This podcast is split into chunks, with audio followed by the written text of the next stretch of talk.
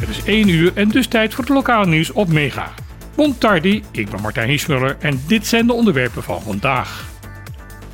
De twee consumentenorganisaties op Bonaire, Uncabon en Tienda Pa Consumido Bonaireano hebben besloten om samen op te trekken om de komende tijd absurde en onnodige prijsstijgingen te kunnen bestrijden.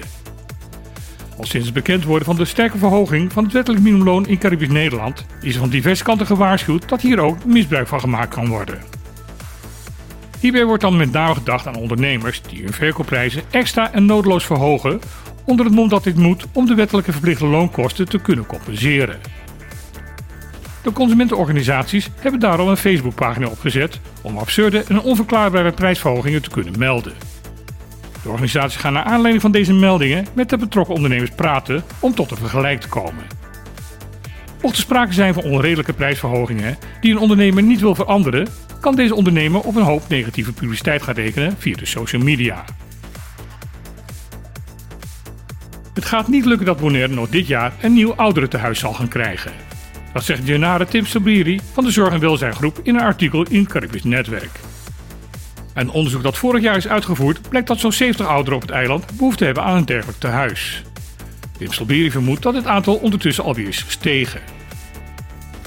De noodzaak voor een tehuis waar ouderen in kunnen wonen en verzorgd kunnen worden is dus groot.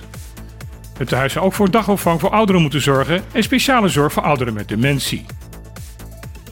Volgens Tim ligt het niet aan de overheden dat de bouw van het centrum nog niet kan gestart worden. Het ligt er meer aan dat er aan veel voorwaarden voldaan moet worden en dat het onderzoek daarnaar veel extra tijd kost. Ons haar kan daardoor de bouw van een ouderentehuis pas halverwege 2025 gaan beginnen. De financiële administratie van de Rijksdienst Caribisch Nederland blijkt kwetsbaar te zijn voor misbruik en fraude. Dat blijkt uit een rapportage van de ADR, de Audidienst Rijk.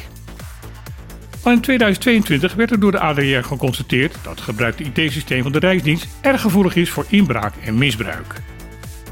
Nu blijkt ook de manier waarop de gebruikersrechten zijn geregeld niet goed op orde te zijn. Er is te weinig zicht op welke gebruiker wat mag doen en te weinig toezicht of elke gebruiker zich netjes aan de regels houdt binnen het systeem. Dat houdt het risico in dat sommige gebruikers hier misbruik van zouden kunnen maken en daardoor gefraudeerd wordt. RCN heeft toegezegd deze problemen te gaan aanpakken. Op Sint Maarten is een week na de parlementsverkiezingen de definitieve uitslag bekendgemaakt. De op Sint Maarten gebruikelijke hertellingen hebben geen verandering gebracht in de voorlopige zetelverdeling. De definitieve uitslag brengt wel een ander opmerkelijk feit aan het licht. De lijsttrekker voor UP, Orlando Bryson, blijkt namelijk buitengewoon impopulair te zijn geweest bij de kiezer.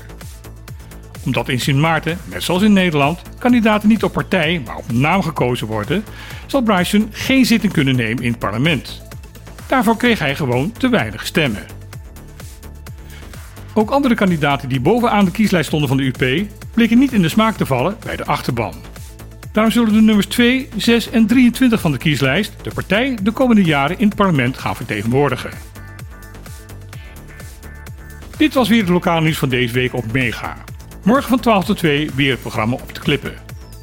Gasten zullen onder andere zijn kunstenaar Fred Ros en motivator Bob de Wit. Dus luister morgen naar de radio of kom langs in Club Tocodero.